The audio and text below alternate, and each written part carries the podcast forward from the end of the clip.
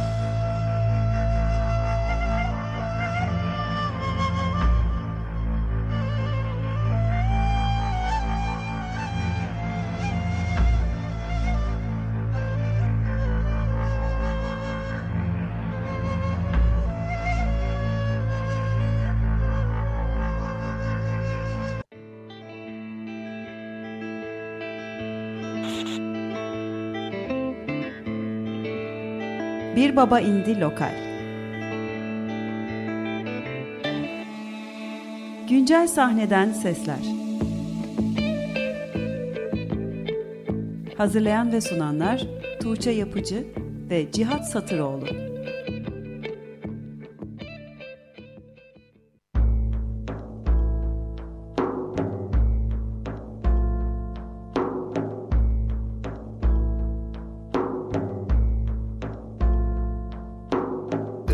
kimseden Güneşi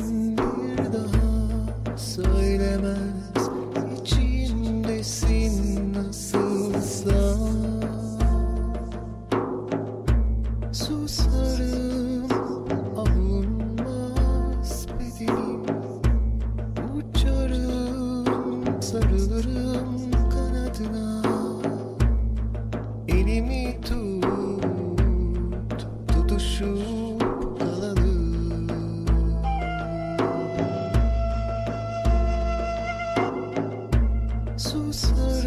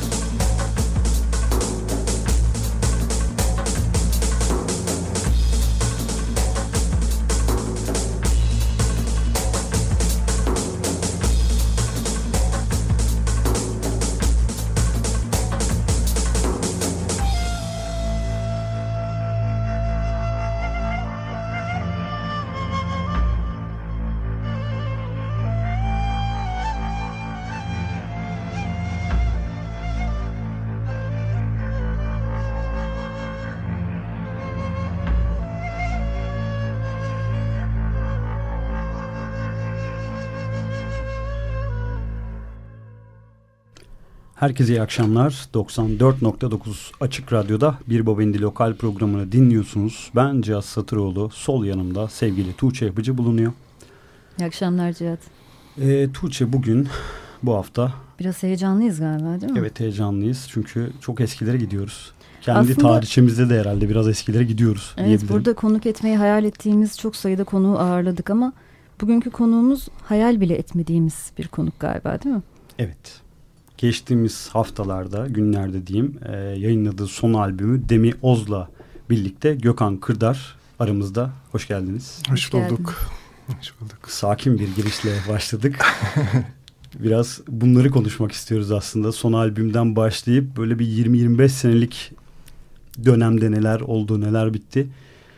Önce Demi Oz dedik zaten. Ee, aslında yeni albüm dedik ama yeni bir albüm değil. Şarkıların evliyatı 90'lı yıllara dayanıyor. Ee, ve 21 yıl e, bu albümün çıkması için beklendi. Neden 21 yıl beklemeyi tercih ettiniz diyerek böyle bir sohbeti başlatayım isterim. Hmm. Hmm, isminde de saklı galiba. Biraz demlenmeye ihtiyacı vardı bence. Ee, Trip albümü sonrası hatta Trip albümü bitirdikten sonra 97'deki yani ilk serseri mayın ve tutunamadım albümleri sonrası ben biliyorsunuz bir bağımsız independent bir dönüş yaparak kendi label'ımı kurmuştum. Loop, Loop Müzik diye. Ee, çünkü ilk iki albüm trendy bir çalışmaydı. Tabii akranları içerisinde yine çok alternatif, farklı bir yerde duruşu vardı. Lirik bir albümdü çünkü.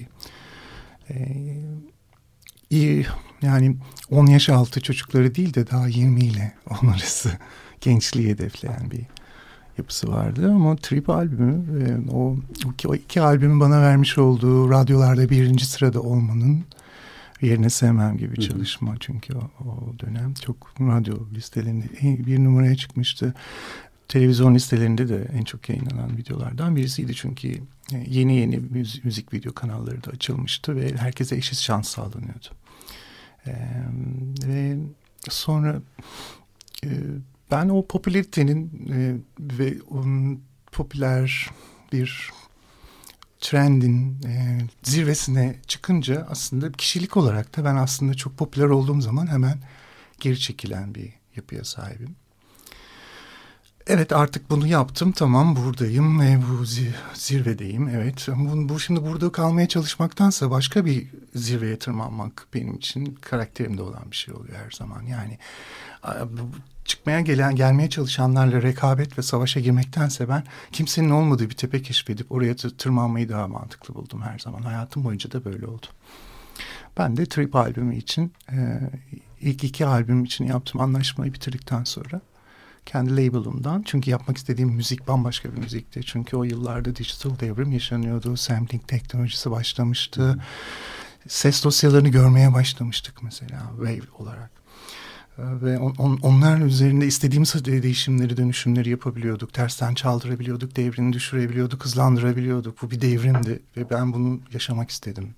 Bir ses dosyası üzerindeki bu, bu bozabilme, de, değiştirebilme tekniğini kullanarak tree pop adı verilen e, işte o dönemlerin trikisi var mesela. Attack var, Radiohead var, Portishead var değil mi? Dünyada bile yeni yeni çıkmaya başlayan bir akım. Ben de onları takip ettiğim için orada bir akım varken ben de Türkiye'de bunu yapmak istedim. Çünkü ona hazır hissediyordum kendimi. Ve seslerle oynamaya başladım ben. Canlı akustik kayıtları bırakıp hazır sesleri bozarak bir takım soundlar ve altyapılar oluşturmaya başladım. Ve trip albüm öyle çıktı. Üzerlerine de doğaçlama yapıp sözler yazdım. Türkçe sözler yazdım ve Türkiye'nin ilk Türkçe sözlü trip hop ve ambient ve elektronika denilebilecek ilk albümü oldu.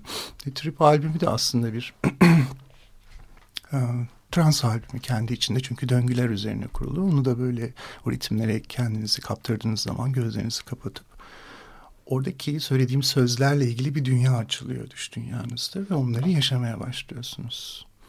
Bazen beni görmeniz bile söz konusu olabiliyor o çalışmaları. Ben kendi gruplarımda da e, şey yaptığım için sonuçlarını biliyorum. Ama temelinde kişi, dinleyen kişinin düş dünyasını e, ortaya çıkartıyor. Trip'in bu etkisini gördükten sonra ben hemen Diril'i besteledim.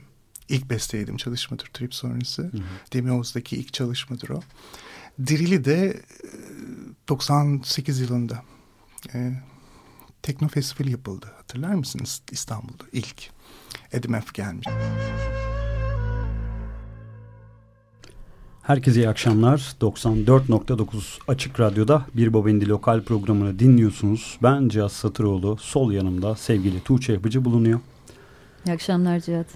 Ee, Tuğçe bugün bu hafta... Biraz heyecanlıyız galiba değil mi? Evet heyecanlıyız çünkü çok eskilere gidiyoruz. Kendi Aslında, tarihçemizde de herhalde biraz eskilere gidiyoruz Evet burada konuk etmeyi hayal ettiğimiz çok sayıda konuğu ağırladık ama bugünkü konuğumuz hayal bile etmediğimiz bir konuk galiba değil mi? Evet. Geçtiğimiz haftalarda, günlerde diyeyim e, yayınladığı son albümü Demi Oz'la birlikte Gökhan Kırdar aramızda. Hoş geldiniz. Hoş, Hoş bulduk. Geldiniz. Hoş bulduk. Sakin bir girişle başladık. Biraz bunları konuşmak istiyoruz aslında. Son albümden başlayıp böyle bir 20-25 senelik dönemde neler oldu, neler bitti. Önce Demi Oz dedik zaten. Ee, aslında yeni albüm dedik ama yeni bir albüm değil. Şarkıların evliyatı 90'lı yıllara dayanıyor. Ee, ve 21 yıl e, bu albümün çıkması için beklendi. Neden 21 yıl beklemeyi tercih ettiniz diyerek böyle bir sohbeti başlatayım isterim. Hmm. Hmm, isminde de saklı galiba. Biraz demlenmeye ihtiyacı vardı bence. Trip albümü sonrası hatta Trip albümü bitirdikten sonra 97'deki yani ilk serseri mayın ve tutunamadım albümleri sonrası ben biliyorsunuz bir bağımsız independent bir dönüş yaparak kendi label'ımı kurmuştum. Loop, Loop Müzik diye. Ee, çünkü ilk iki albüm trendy bir çalışmaydı. Tabii akranları içerisinde yine çok alternatif, farklı bir yerde duruşu vardı. Lirik bir albümdü çünkü. Ee, iyi, yani 10 yaş altı çocukları değil de daha 20 ile 10 arası gençliği hedefleyen bir yapısı vardı. Ama Trip albümü, e, o, o iki albümün bana vermiş olduğu radyolarda birinci sırada olmanın yerine sevmem gibi çalışma. Çünkü o, o dönem çok radyo listelerinde bir numaraya çıkmıştı televizyon listelerinde de en çok yayınlanan videolardan birisiydi. Çünkü e, yeni yeni müzik, video kanalları da açılmıştı ve herkese eşit şans sağlanıyordu. Ve sonra e, ben o popülaritenin e, ve onun popüler bir trendin e, zirvesine çıkınca aslında kişilik olarak da ben aslında çok popüler olduğum zaman hemen geri çekilen bir yapıya sahibim. Evet artık bunu yaptım tamam buradayım ve bu zirvedeyim evet. Bu, bu şimdi burada kalmaya çalışmaktansa başka bir zirveye tırmanmak benim için karakterimde olan bir şey oluyor her zaman. Yani çıkmaya gelen gelmeye çalışanlarla rekabet ve savaşa girmektense ben kimsenin olmadığı bir tepe keşfedip oraya tırmanmayı daha mantıklı buldum her zaman. Hayatım boyunca da böyle oldu. Ben de Trip albümü için ilk iki albüm için yaptığım anlaşmayı bitirdikten sonra kendi label'ımdan. Çünkü yapmak istediğim müzik bambaşka bir müzikti. Çünkü o yıllarda digital devrim yaşanıyordu. Sampling teknolojisi başlamıştı. Ses dosyalarını görmeye başlamıştık mesela wave olarak. Ee, ve on, on, onlar üzerinde istediğimiz değişimleri, dönüşümleri yapabiliyorduk. Tersten çaldırabiliyorduk, devrini düşürebiliyorduk, hızlandırabiliyorduk. Bu bir devrimdi ve ben bunu yaşamak istedim. Bir ses dosyası üzerindeki bu, bu bozabilme, de, değiştirebilme tekniğini kullanarak tree pop adı verilen e, işte o dönemlerin trikisi var mesela. Attack var, Radiohead var, Portishead var değil mi? Dünyada bile yeni yeni çıkmaya başlayan bir akım. Ben de onları takip ettiğim için orada bir akım varken ben de Türkiye'de bunu yapmak istedim. Çünkü ona hazır hissediyordum kendimi. Ve seslerle oynamaya başladım ben. Canlı akustik kayıtları bırakıp hazır sesleri bozarak bir takım soundlar ve altyapılar oluşturmaya başladım. Ve trip albüm öyle çıktı. Üzerlerine de doğaçlama yapıp sözler yazdım. Türkçe sözler yazdım ve Türkiye'nin ilk Türkçe sözlü trip hop ve ambient ve elektronika denilebilecek ilk albümü oldu. E, trip albümü de aslında bir e, trans albümü kendi içinde çünkü döngüler üzerine kurulu. Onu da böyle o ritimlere kendinizi kaptırdığınız zaman gözlerinizi kapatıp oradaki söylediğim sözlerle ilgili bir dünya açılıyor düş dünyanızda ve onları yaşamaya başlıyorsunuz. Bazen beni görmeniz bile söz konusu olabiliyor o çalışmaları. Ben kendi gruplarımda da e, şey yaptığım için sonuçlarını biliyorum. Ama temelinde kişi, dinleyen kişinin düş dünyasını e, ortaya çıkartıyor. Trip'in bu etkisini gördükten sonra ben hemen Diril'i besteledim. İlk bestelediğim çalışmadır Trip sonrası. Demi Oz'daki ilk çalışmadır o. Diril'i de 98 e, yılında e, Tekno Festival yapıldı. Hatırlar mısınız İstanbul'da ilk? Edmef gelmişti işte. E, Apex Swing gelmişti. E, ve dünyada o yıllardaki en iyi dans ve elektronik müzik müzisyenliğin olduğu Park Orman'da yapılmıştı o hmm. festival. Ben ilk sahneye çıkan kişiydim mesela Türkiye'den de olan ve Trip albüm sonrası. Ee, ve Dirilli ilk orada sahneydim. Ve o festivalin bir CD'si yapılmıştı. Tanıtım CD'si. Hmm. Gelen kişilere dağıtılan. Onun içinde de Elimi Tut vardı mesela. Hmm. Gibi. Ee, ama bunlar e, şey olmadı. Yayınlanmadılar tabii. Ee, resmi, resmi bir şekilde yayınlanmamışlardı. Aslında bu şarkılar hatırlayanlar vardır herhalde. Belki o festivale gidenler evet. biliyorlar mesela. Tutabiliyorlar. Ya da sahneden, evet, sahneden hiç söylediğimi de biliyorlar. Dilili söylediğimi de dinledikleri zaman tabii ki bilecekler. Şimdi e, Trip'in Trip'teki yapmış olduğum çalışmalar ve oradaki armoninin e, ve döngüselliğin insan zihninde oluşturduğu etkileri gördükten sonra fark ettikten sonra bunun üzerine gitmeye başladım. Ama Demioz'da biraz daha farklılaştım. Yani dirilden itibaren ben aslında daha makamları, makamsal eskileri yani doğuya yakın olan bizim daha çok tanıdığımız doğunun eskilerini elektronik müzikle birleştirdim. Demioz'daki farklılık. Trip'e göre farklılık buydu. Trip Biraz tamamen etnik elektronik diyebiliriz. Etnik elektronik. Demiyoz yani etnik elektronikin ilk adımlarıydı aslında. Hı. Dünyada da işte bir tek Massive Attack mesela Mezzanine'de yapmıştı bunu. Bu karışımı denemişti. Tek bu şarkıda denemişti. Ama ben bunu bir albüm halinde o yıllarda, aynı yıllarda ne şey yaptım, ortaya koydum. E, ne oldu o zaman? E, doğu beatleriyle batı beatleri yani gezegen üzerindeki bütün açılar kuzeye güney kavramı kalktı ve bütün bu karışımlar e, dünya üzerindeki herkesi dinleyince içine çekebilecek bir sound oluşturmuş oldu ve meditatif olması yine tripteki gibi Demioz'u da dinlediğiniz o eserlerimi dinlediğinizde ama gözleriniz kapalı ve kulaklıkla dinlemenizi hı hı. tabii ki tavsiye ediyorum. Böyle olunca çünkü içsel olarak beyindeki bir takım alanlar açılmaya başlıyor vücuttaki ve o enerji akışı ile birlikte transa geçiyorsunuz. Transa geçtiğinizde de düş dünyanızdaki rüyada gördüğünüz şeyleri aslında uyanıkken hatırlamak gibi, görmek gibi düşünebilirsiniz bunu. Yani rüyalar da bizim bilinçaltımızdır değil mi sonuçta ama biz onların çoğunu uyandığımız zaman unuturuz. Buradaki özellik müzikleri dinlemeye başladığınızda Demioz'daki ve Trip albümündeki uyanık olmanıza rağmen bir transa geçiş olur. Ve orada siz e, rüyalarınızı bu sefer uyanıkken görmeye ve az hiç unutmayacak şekilde de yaşamaya başlamış olursunuz. Demoz'u tamamladıktan sonra ben Amerika'da bir yapım şirketiyle Golden Horn'du o zaman bir anlaşma yaptık. Amerika'da Hı. çıkacaktı albüm. Tamamlamıştım çünkü bütün çalışmalarımı. Ama ikiz kulelerin yıkılması sonrası doğuya karşı bir tepki oluştu Amerika toplumunda. Biraz bekleyelim denildi oradaki yapım şirket tarafından.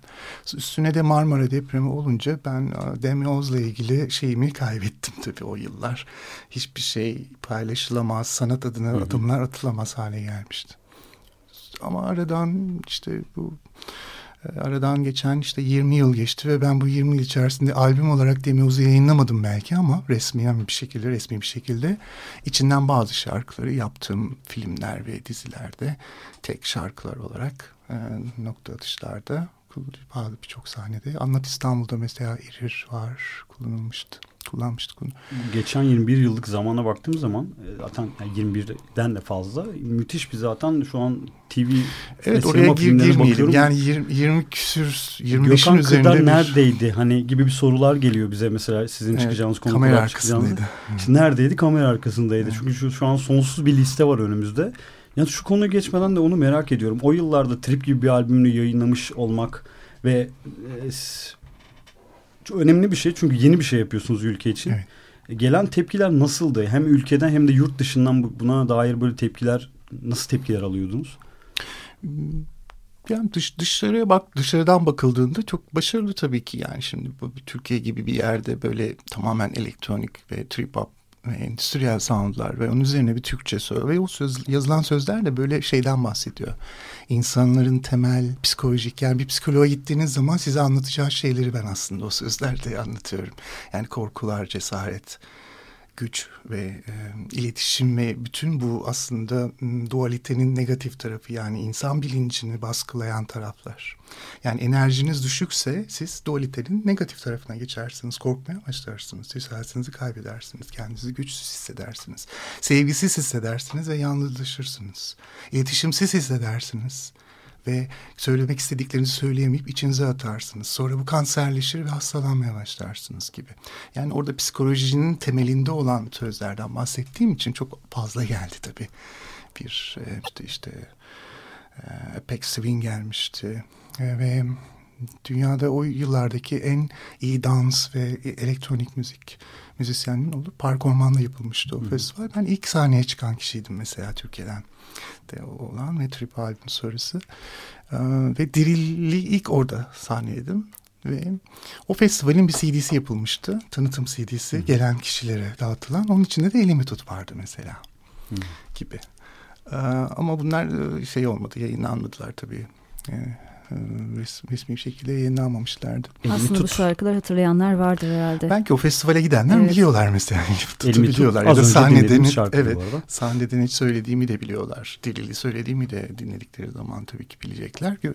Şimdi e, Trip'in Trip'teki yapmış olduğum çalışmalar ve oradaki armoninin ve döngüselliğin insan zihninde oluşturduğu etkileri gördükten sonra fark ettikten sonra bunun üzerine gitmeye başladım.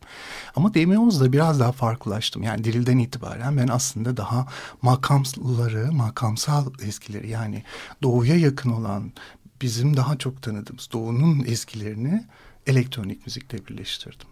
Demioz'daki farklılık, Trip'e göre farklılık buydu. Trip Biraz tamamen etnik elektronik diyebiliriz. Etnik elektronik. Demiyoruz Yani etnik elektronikin ilk adımlarıydı aslında. Dünyada da işte bir tek Massive Attack mesela Mezzanine'de yapmıştı bunu. Bu karışımı denemişti. Tek bu şarkıda denemişti.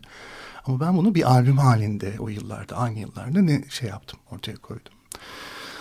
E, ne oldu o zaman? E, doğu beatleriyle batı beatleri yani gezegen üzerindeki bütün açılar kuzeye güney kavramı kalktı ve bütün bu karışımlar e, dünya üzerindeki herkesi dinleyince içine çekebilecek bir sound ol- oluşturmuş oldu ve meditatif olması yine tripteki gibi Demioz'u da dinlediğiniz o eserlerimi de dinlediğinizde ama gözleriniz kapalı ve kulaklıkla dinlemenizi hı. tabii ki tavsiye ediyorum. Böyle olunca çünkü içsel olarak beyindeki bir takım alanlar açılmaya başlıyor vücuttaki ve o enerji akışı ile birlikte transa geçiyorsunuz. Transa geçtiğinizde de düş dünyanızdaki rüyada gördüğünüz şeyleri aslında uyanıkken hatırlamak gibi, görmek gibi düşünebilirsiniz bunu. Yani bir, rüyalar da bizim bilinçaltımızdır değil mi sonuçta? Ama biz onların çoğunu uyandığımız zaman unuturuz. Buradaki özellik müzikleri dinlemeye başladığınızda Demioz'daki ve Trip albümündeki uyanık olmanıza rağmen bir transa geçiş olur. Ve orada siz e, rüyalarınızı bu sefer uyanıkken görmeye ve az hiç unutmayacak şekilde de yaşamaya başlamış olursunuz. Demioz'u tamamladıktan sonra ben Amerika'da bir yapım şirketiyle Golden Horn'du o zaman. Bir anlaşma yaptık. Amerika'da çıkacaktı albüm. Tamamlamıştım çünkü bütün çalışmalarımı. Ama ikiz kulelerin yıkılması sonrası doğuya karşı bir tepki oluştu Amerika toplumunda. Biraz bekleyelim denildi oradaki yapım şirketi tarafından. Üstüne de Marmara depremi olunca ben e, Demioz'la ilgili şeyimi kaybettim tabii o yıllar.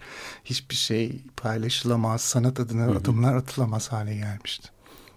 Ama aradan işte bu Aradan geçen işte 20 yıl geçti ve ben bu 20 yıl içerisinde albüm olarak Demioz'u yayınlamadım belki ama resmi yani bir şekilde resmi bir şekilde içinden bazı şarkıları yaptığım filmler ve dizilerde tek şarkılar olarak e, nokta atışlarda bazı birçok sahnede Anlat İstanbul'da mesela Erir var kullanılmıştı kullanmıştık bunu.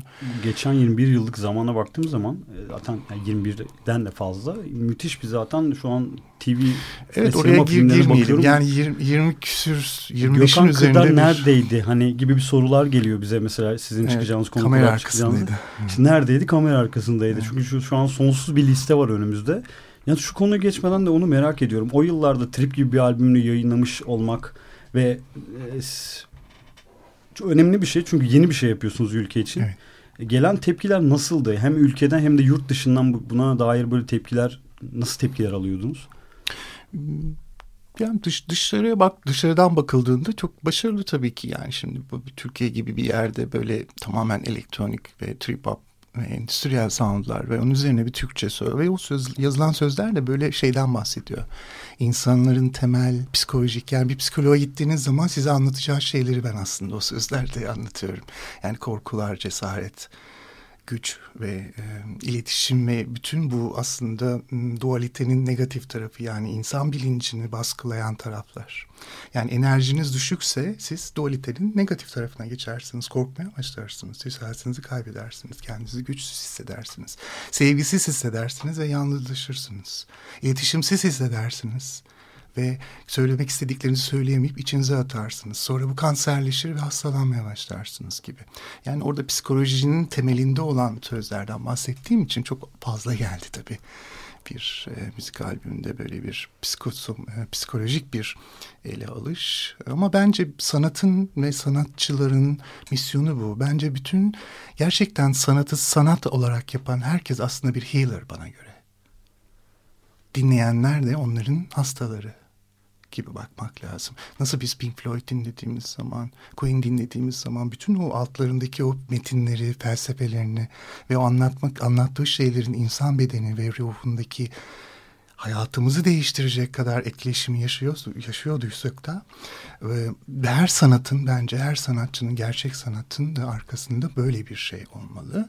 Eğer bu olmuyorsa bu bir pop trendi oluyor. Görünüyorsunuz ve kayboluyorsunuz ama asıl sanatın amacı felsefe ve o felsefenin alt metninde de insanların, onu dinleyen insanların hayatlarını olumlu yönde değiştirmelerine, adımlar atmalarını sağlayabilecekleri bir kabuk değiştirme sürecine sokmabilmesidir.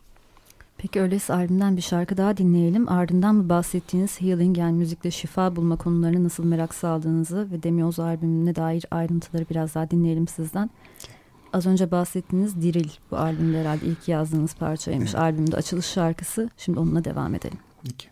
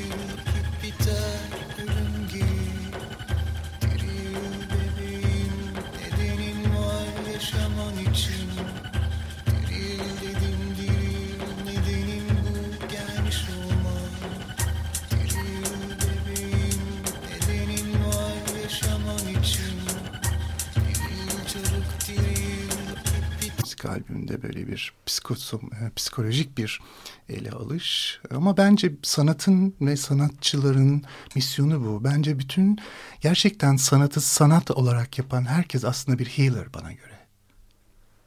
Dinleyenler de onların hastaları gibi bakmak lazım. Nasıl biz Pink Floyd dinlediğimiz zaman, Queen dinlediğimiz zaman bütün o altlarındaki o metinleri, felsefelerini ve o anlatmak anlattığı şeylerin insan bedeni ve ruhundaki hayatımızı değiştirecek kadar etkileşimi yaşıyor, yaşıyorduysak da ve her sanatın bence her sanatçının gerçek sanatın da arkasında böyle bir şey olmalı. Eğer bu olmuyorsa bu bir pop trendi oluyor. Görünüyorsunuz ve kayboluyorsunuz ama asıl sanatın amacı felsefe ve o felsefenin alt metninde de insanların, onu dinleyen insanların hayatlarını olumlu yönde değiştirmelerine, adımlar atmalarını sağlayabilecekleri bir kabuk değiştirme sürecine sokulabilmesidir. Peki öyleyse albümden bir şarkı daha dinleyelim. Ardından mı bahsettiğiniz healing yani müzikle şifa bulma konularına nasıl merak saldığınızı ve Demioz albümüne dair ayrıntıları biraz daha dinleyelim sizden. Az önce bahsettiğiniz Diril bu albümde herhalde ilk yazdığınız parçaymış. Evet. Albümde açılış şarkısı. Şimdi onunla devam edelim. Peki.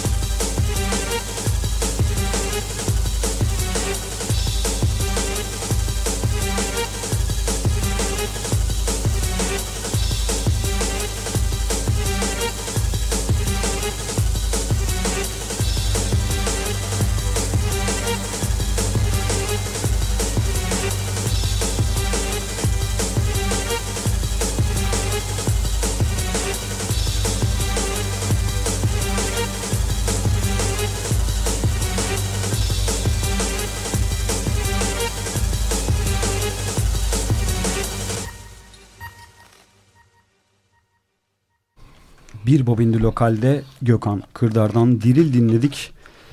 Evet, nerede kalmıştık şimdi Tuğçe? Healing dedi az önce Hı hı. Gökhan Kırdar. Bu müzikle şifa konularına ilk ne zaman merak saldığınızı merak ediyorum. Hmm. Healing sözlükte yazdığınız zaman iyileşme anlamına geliyor biliyorsunuz.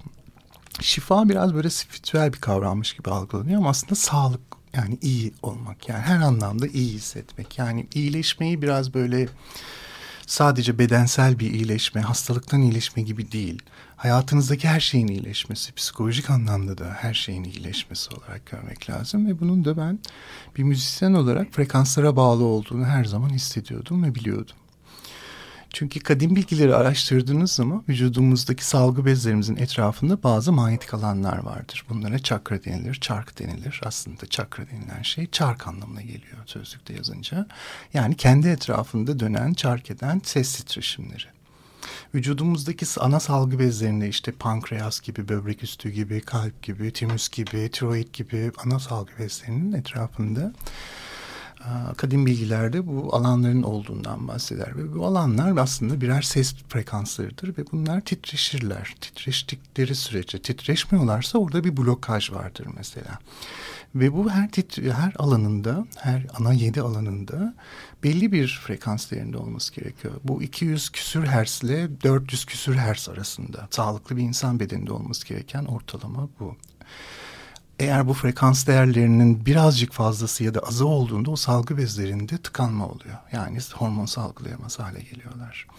Yani baktığımız zaman insan bedeni bir gitar gibi düşünün ve onun telleri var ve o teller eğer akortlu değillerse yani olması gereken la sol fa mi do gibi yani böyle bir e, belli bir akor dizininde akortlu değillerse o not değerleri bozuksa salgı bezleri o, o frekansları yanlış frekanslar yüzünden blokaja uğruyor. Yani tiroid salgılayamaz hale geliyor hormon.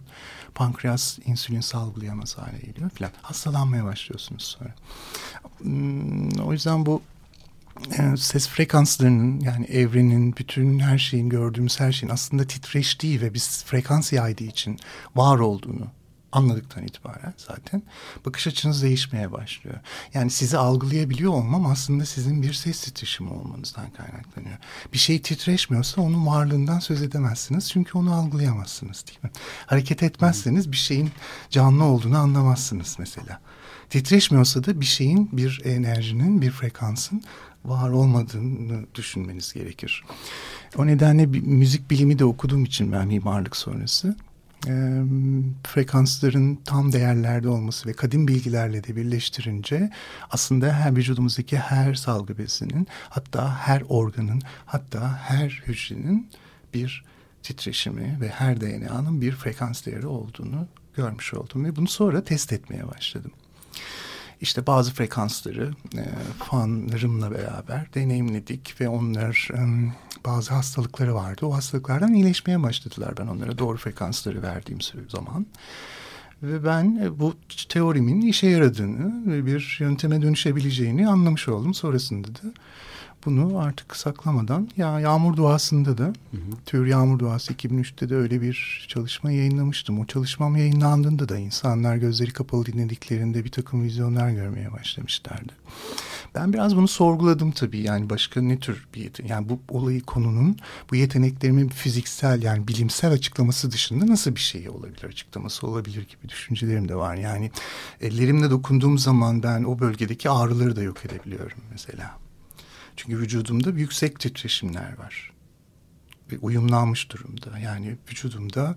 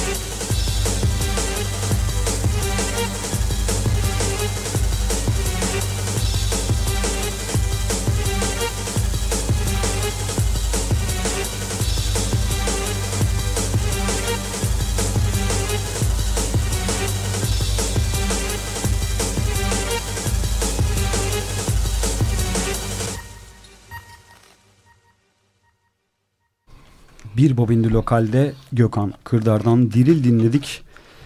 Evet, nerede kalmıştık şimdi Tuğçe? Healing dedi az önce Gökhan Kırdar. Bu müzikle şifa konularına ilk ne zaman merak saldığınızı merak ediyorum. Hmm. Healing sözlükte yazdığınız zaman iyileşme anlamına geliyor biliyorsunuz. Şifa biraz böyle spiritüel bir kavrammış gibi algılanıyor ama aslında sağlık yani iyi olmak yani her anlamda iyi hissetmek. Yani iyileşmeyi biraz böyle sadece bedensel bir iyileşme, hastalıktan iyileşme gibi değil. Hayatınızdaki her şeyin iyileşmesi, psikolojik anlamda da her şeyin iyileşmesi olarak görmek lazım. Ve bunun da ben bir müzisyen olarak frekanslara bağlı olduğunu her zaman hissediyordum ve biliyordum. Çünkü kadim bilgileri araştırdığınız zaman vücudumuzdaki salgı bezlerimizin etrafında bazı manyetik alanlar vardır. Bunlara çakra denilir, çark denilir. Aslında çakra denilen şey çark anlamına geliyor sözlükte yazınca. Yani kendi etrafında dönen, çark eden ses titreşimleri. Vücudumuzdaki ana salgı bezlerinde işte pankreas gibi, böbrek üstü gibi, kalp gibi, timüs gibi, tiroid gibi ana salgı bezlerinin etrafında kadim bilgilerde bu alanların olduğundan bahseder ve bu alanlar aslında birer ses frekanslarıdır ve bunlar titreşirler. Titreştikleri sürece titreşmiyorlarsa orada bir blokaj vardır mesela. Ve bu her titre, her alanında, her ana yedi alanında belli bir frekans değerinde olması gerekiyor. Bu 200 küsür hertz ile 400 küsür hertz arasında sağlıklı bir insan bedeninde olması gereken ortalama bu eğer bu frekans değerlerinin birazcık fazlası ya da azı olduğunda o salgı bezlerinde tıkanma oluyor. Yani hormon salgılayamaz hale geliyorlar. Yani baktığımız zaman insan bedeni bir gitar gibi düşünün ve onun telleri var ve o teller eğer akortlu değillerse yani olması gereken la sol fa mi do gibi yani böyle bir e, belli bir akor dizininde akort değillerse o not değerleri bozuksa salgı bezleri o, o frekansları yanlış frekanslar yüzünden blokaja uğruyor. Yani tiroid salgılayamaz hale geliyor hormon. Pankreas insülin salgılayamaz hale geliyor filan. Hastalanmaya başlıyorsunuz sonra. Hmm, o yüzden bu e, ses frekanslarının yani evrenin bütün her şeyin gördüğümüz her şeyin aslında titreştiği ve biz frekans yaydığı için var olduğunu anladıktan itibaren zaten bakış açınız değişmeye başlıyor. Yani sizi algılayabiliyor olmam aslında sizin bir ses titreşimi olmanızdan kaynaklanıyor. Bir şey titreşmiyorsa onun varlığından söz edemezsiniz çünkü onu algılayamazsınız değil mi? Hareket etmezseniz bir şeyin canlı olduğunu anlamazsınız mesela. Titreşmiyorsa da bir şeyin, bir enerjinin, bir frekansın var olmadığını düşünmeniz gerekir. O nedenle müzik bilimi de okuduğum için ben mimarlık sonrası e, frekansların tam değerlerde olması ve kadim bilgilerle de birleştirince aslında her vücudumuzdaki her salgı bezinin hatta her organın hatta her hücrenin bir titreşimi ve her DNA'nın bir frekans değeri olduğunu görmüş oldum ve bunu sonra test etmeye başladım. İşte bazı frekansları e, fanlarımla beraber deneyimledik ve onlar e, bazı hastalıkları vardı. O hastalıklardan iyileşmeye başladılar ben onlara doğru frekansları verdiğim zaman.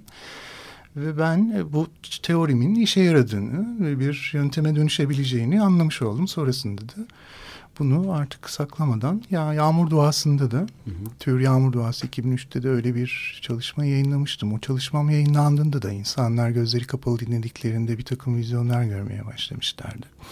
Ben biraz bunu sorguladım tabii yani başka ne tür bir yetenek yani bu olayı konunun bu yeteneklerimin fiziksel yani bilimsel açıklaması dışında nasıl bir şey olabilir açıklaması olabilir gibi düşüncelerim de var. Yani ellerimle dokunduğum zaman ben o bölgedeki ağrıları da yok edebiliyorum mesela. Çünkü vücudumda yüksek titreşimler var. Ve uyumlanmış durumda. Yani vücudumda normalde insan vücudunda olması gereken 300 Hz ortalama diyoruz ya. O frekanstan çok çok daha fazlası var vücudumda. Bunun nedenlerini bilmiyorum ama doğuştan gelen belki bir şey. Bilmiyorum. Nasıl keşfettiniz bunu? Bunu işte yani e, öncelikle yakınlarım da eşim de onun yaşadığı bir önemli bir hastalık ailemde diğer kronik hastalıkları olan kişiler Onlarda çalıştım ve iyileşmeler olduğunu gördükten sonra da bunu herkesle paylaşmaya karar verdim tabii ki bu yeteneklerimi. Ama ben yine de olayı bir e, ruhban gözüyle bakmıyorum. Yani ruhban bakışıyla değil, bunun bir bilimsel açıklamasını getirerek yaklaşıyorum. Diyorum ki biz bir müzik bilimi bakışıyla vücudumuz bir frekanslar düzenidir ve 600 tane frekans vardır. Evrende nasıl bir aralık var, bir gam var ve o gamın içerisinde nokta nokta bir milisaniyelik frekanslar var.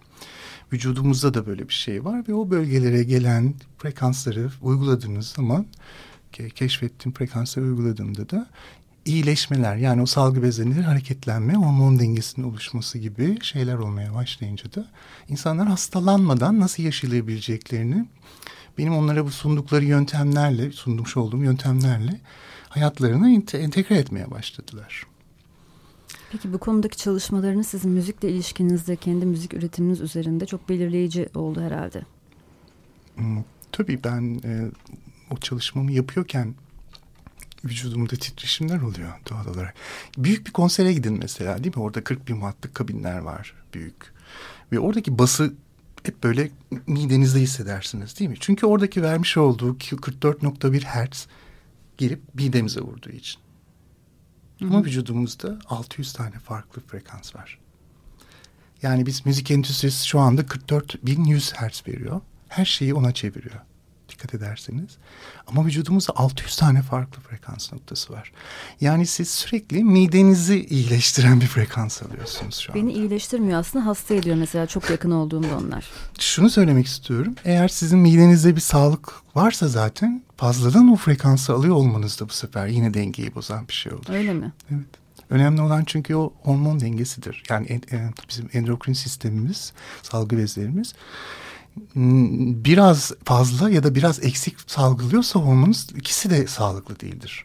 O yüzden tek bir frekansa ihtiyacımız var. O yüzden bizim bir enstrüman gibi vücudumuzun hangi akortlamaya ya da hangi sabit frekans değerlere ihtiyacın olduğunu bilmemiz lazım. Eğer onun fazlasını da alırsak eksiği olması gibi bu sefer sağlığımızı da kaybetmeye başlamış oluyoruz.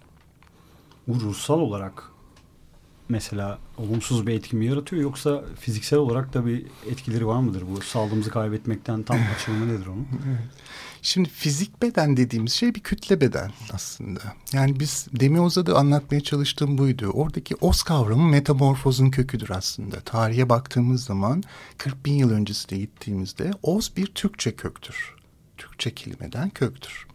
Yani oz dediğimiz şey aslında ön Türkçe'de var olan bir tamgadır ve o metamorfozun köküdür. Oz dediğimiz şey de bundan on binlerce yıl önce bizim e, atalarımız. Çünkü bu Türkçenin kökünde olan bir şey. Baktığınızda Oz dediğimiz kavram. Onlar o tamgayı, e, Oz kelimesini ve hecesini anlam olarak kullandıklarında bir grafik sanat gibi düşünün. Mağaraya o sembolü koyuyor tamgayı ve Oz tamgası şey anlamına geliyor. Ben e, evrende bir enerjiydim ve yana yana döne döne gezegene bu gezegene ozlaşarak Yani enerjiden maddeye dönüşerek. Yani kütle bedele dönüşerek. Şimdi bir yüksek titreşimli bir enerjinin bu gezegende bedenlenebilmesi yani fizik olarak algılanabilmesi için bu gezegendeki atom titreşiminde olması gerekir. Yani saniyede 62 bin. Bundan daha fazla ya da da az olursanız zaten birbirinizi algılayamazsınız. Bu gezegendeki ağaçları, objeleri, masaları, insanları algılayamazsınız. Hepimiz aslında atom dediğimiz bir e, sabit titreşime uyumluyuz. Fizik hayatı kütle bedenleri e, algılanabilir hale getiren bu ortak noktamız. Atom titreşimlerimizin aynı olması. Ama atoma baktığımızda bu sefer atomun yüzde onu sadece bir kütleden oluşuyor. Yüzde doksanı yine boşluk. Şimdi fizik beden dediğiniz zaman o yüzden bir maddeyi konuşamıyoruz. Çünkü maddenin tanımında da bir ağırlık yok. Yani yüzde on kadar bir ağırlık var. Proton çekirdeği, elektronun ise yüzde doksan bir alan var, boşluk. Normalde insan vücudunda olması gereken 300 Hz ortalama diyoruz ya. O frekanstan çok çok daha fazlası var vücudumda. Bunun nedenlerini bilmiyorum ama bu doğuştan gelen belki bir şey. Bilmiyorum. Nasıl keşfettiniz bunu? Bunu işte yani e, öncelikle yakınlarım da eşim de onun yaşadığı bir önemli bir hastalık. Ailemde diğer kronik hastalıkları olan kişiler Onlarda çalıştım ve iyileşmeler olduğunu gördükten sonra da bunu herkesle paylaşmaya karar verdim tabii ki bu yeteneklerimi. Ama ben yine de olayı bir e, ruhban gözüyle bakmıyorum. Yani ruhban bakışıyla değil, bunun bir bilimsel açıklamasını getirerek yaklaşıyorum.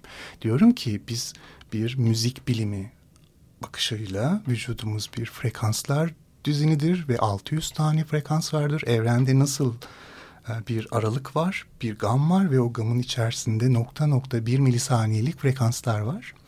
Vücudumuzda da böyle bir şey var ve o bölgelere gelen frekansları uyguladığınız zaman keşfettiğim frekansları uyguladığımda da iyileşmeler yani o salgı bezlerinin hareketlenme, hormon dengesinin oluşması gibi şeyler olmaya başlayınca da insanlar hastalanmadan nasıl yaşayabileceklerini benim onlara bu sundukları yöntemlerle, sunmuş olduğum yöntemlerle hayatlarına entegre etmeye başladılar. Peki bu konudaki çalışmalarınız sizin müzikle ilişkinizde, kendi müzik üretiminiz üzerinde çok belirleyici oldu herhalde. Hmm, tabii ben e, o çalışmamı yapıyorken vücudumda titreşimler oluyor doğal olarak. Büyük bir konsere gidin mesela değil mi? Orada 40 bin wattlık kabinler var büyük. Ve oradaki bası hep böyle midenizde hissedersiniz değil mi? Çünkü oradaki vermiş olduğu 44.1 Hz gelip midemize vurduğu için. Hı-hı. Ama vücudumuzda 600 tane farklı frekans var. Yani biz müzik endüstrisi şu anda 44.100 Hz veriyor. Her şeyi ona çeviriyor dikkat ederseniz. Ama vücudumuzda 600 tane farklı frekans noktası var. Yani siz sürekli midenizi iyileştiren bir frekans alıyorsunuz şu an. Beni iyileştirmiyor aslında hasta ediyor mesela çok yakın olduğumda onlar. Şunu söylemek istiyorum. Eğer sizin midenizde bir sağlık varsa zaten fazladan o frekansı alıyor olmanız da bu sefer yine dengeyi bozan bir şey olur. Öyle mi? Evet. Önemli olan çünkü o hormon dengesidir. Yani en, en, bizim endokrin sistemimiz, salgı bezlerimiz biraz fazla ya da biraz eksik salgılıyorsa hormonunuz ikisi de sağlıklı değildir. O yüzden tek bir frekansa ihtiyacımız var. O yüzden bizim bir enstrüman gibi vücudumuzun hangi akortlamaya ya da hangi sabit frekans değerlere ihtiyacın olduğunu bilmemiz lazım. Eğer onun fazlasını da alırsak eksiği olması gibi bu sefer sağlığımızı da kaybetmeye başlamış oluyoruz. Ruhsal olarak mesela olumsuz bir etki mi yaratıyor yoksa fiziksel olarak da bir etkileri var mıdır bu sağlığımızı kaybetmekten tam açılımı nedir onun? Şimdi fizik beden dediğimiz şey bir kütle beden aslında. Yani biz Demioz'a da anlatmaya çalıştığım buydu. Oradaki os kavramı metamorfozun köküdür aslında. Tarihe baktığımız zaman 40 bin yıl öncesine gittiğimizde oz bir Türkçe köktür. Türkçe kelimeden köktür.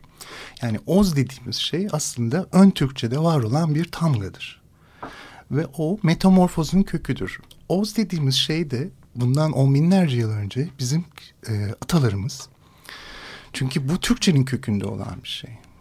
Baktığınızda Oz dediğimiz kavram. Onlar o tamgayı, e, Oz kelimesini ve hecesini anlam olarak kullandıklarında bir grafik sanat gibi düşünün. Mağaraya o sembolü koyuyor. tamgayı ve os tamgası şey anlamına geliyor.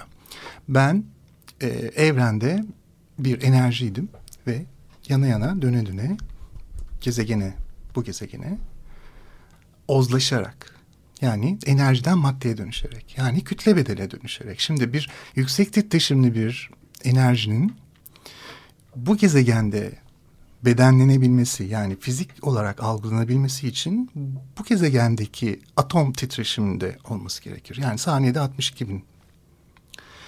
Bundan daha fazla ya da az olursanız zaten birbirinizi algılayamazsınız. Bu gezegendeki ağaçları, objeleri, masaları, insanları algılayamazsınız.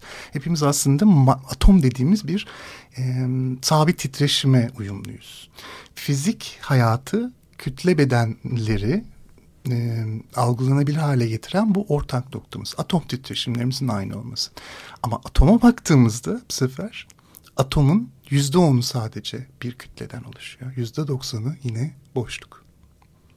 Şimdi fizik beden dediğiniz zaman o yüzden bir maddeyi konuşamıyoruz. Çünkü maddenin tanımında da bir ağırlık yok. Yani yüzde on kadar bir ağırlık var. Proton çekirdeği, elektronun ise yüzde doksan bir alan var, boşluk.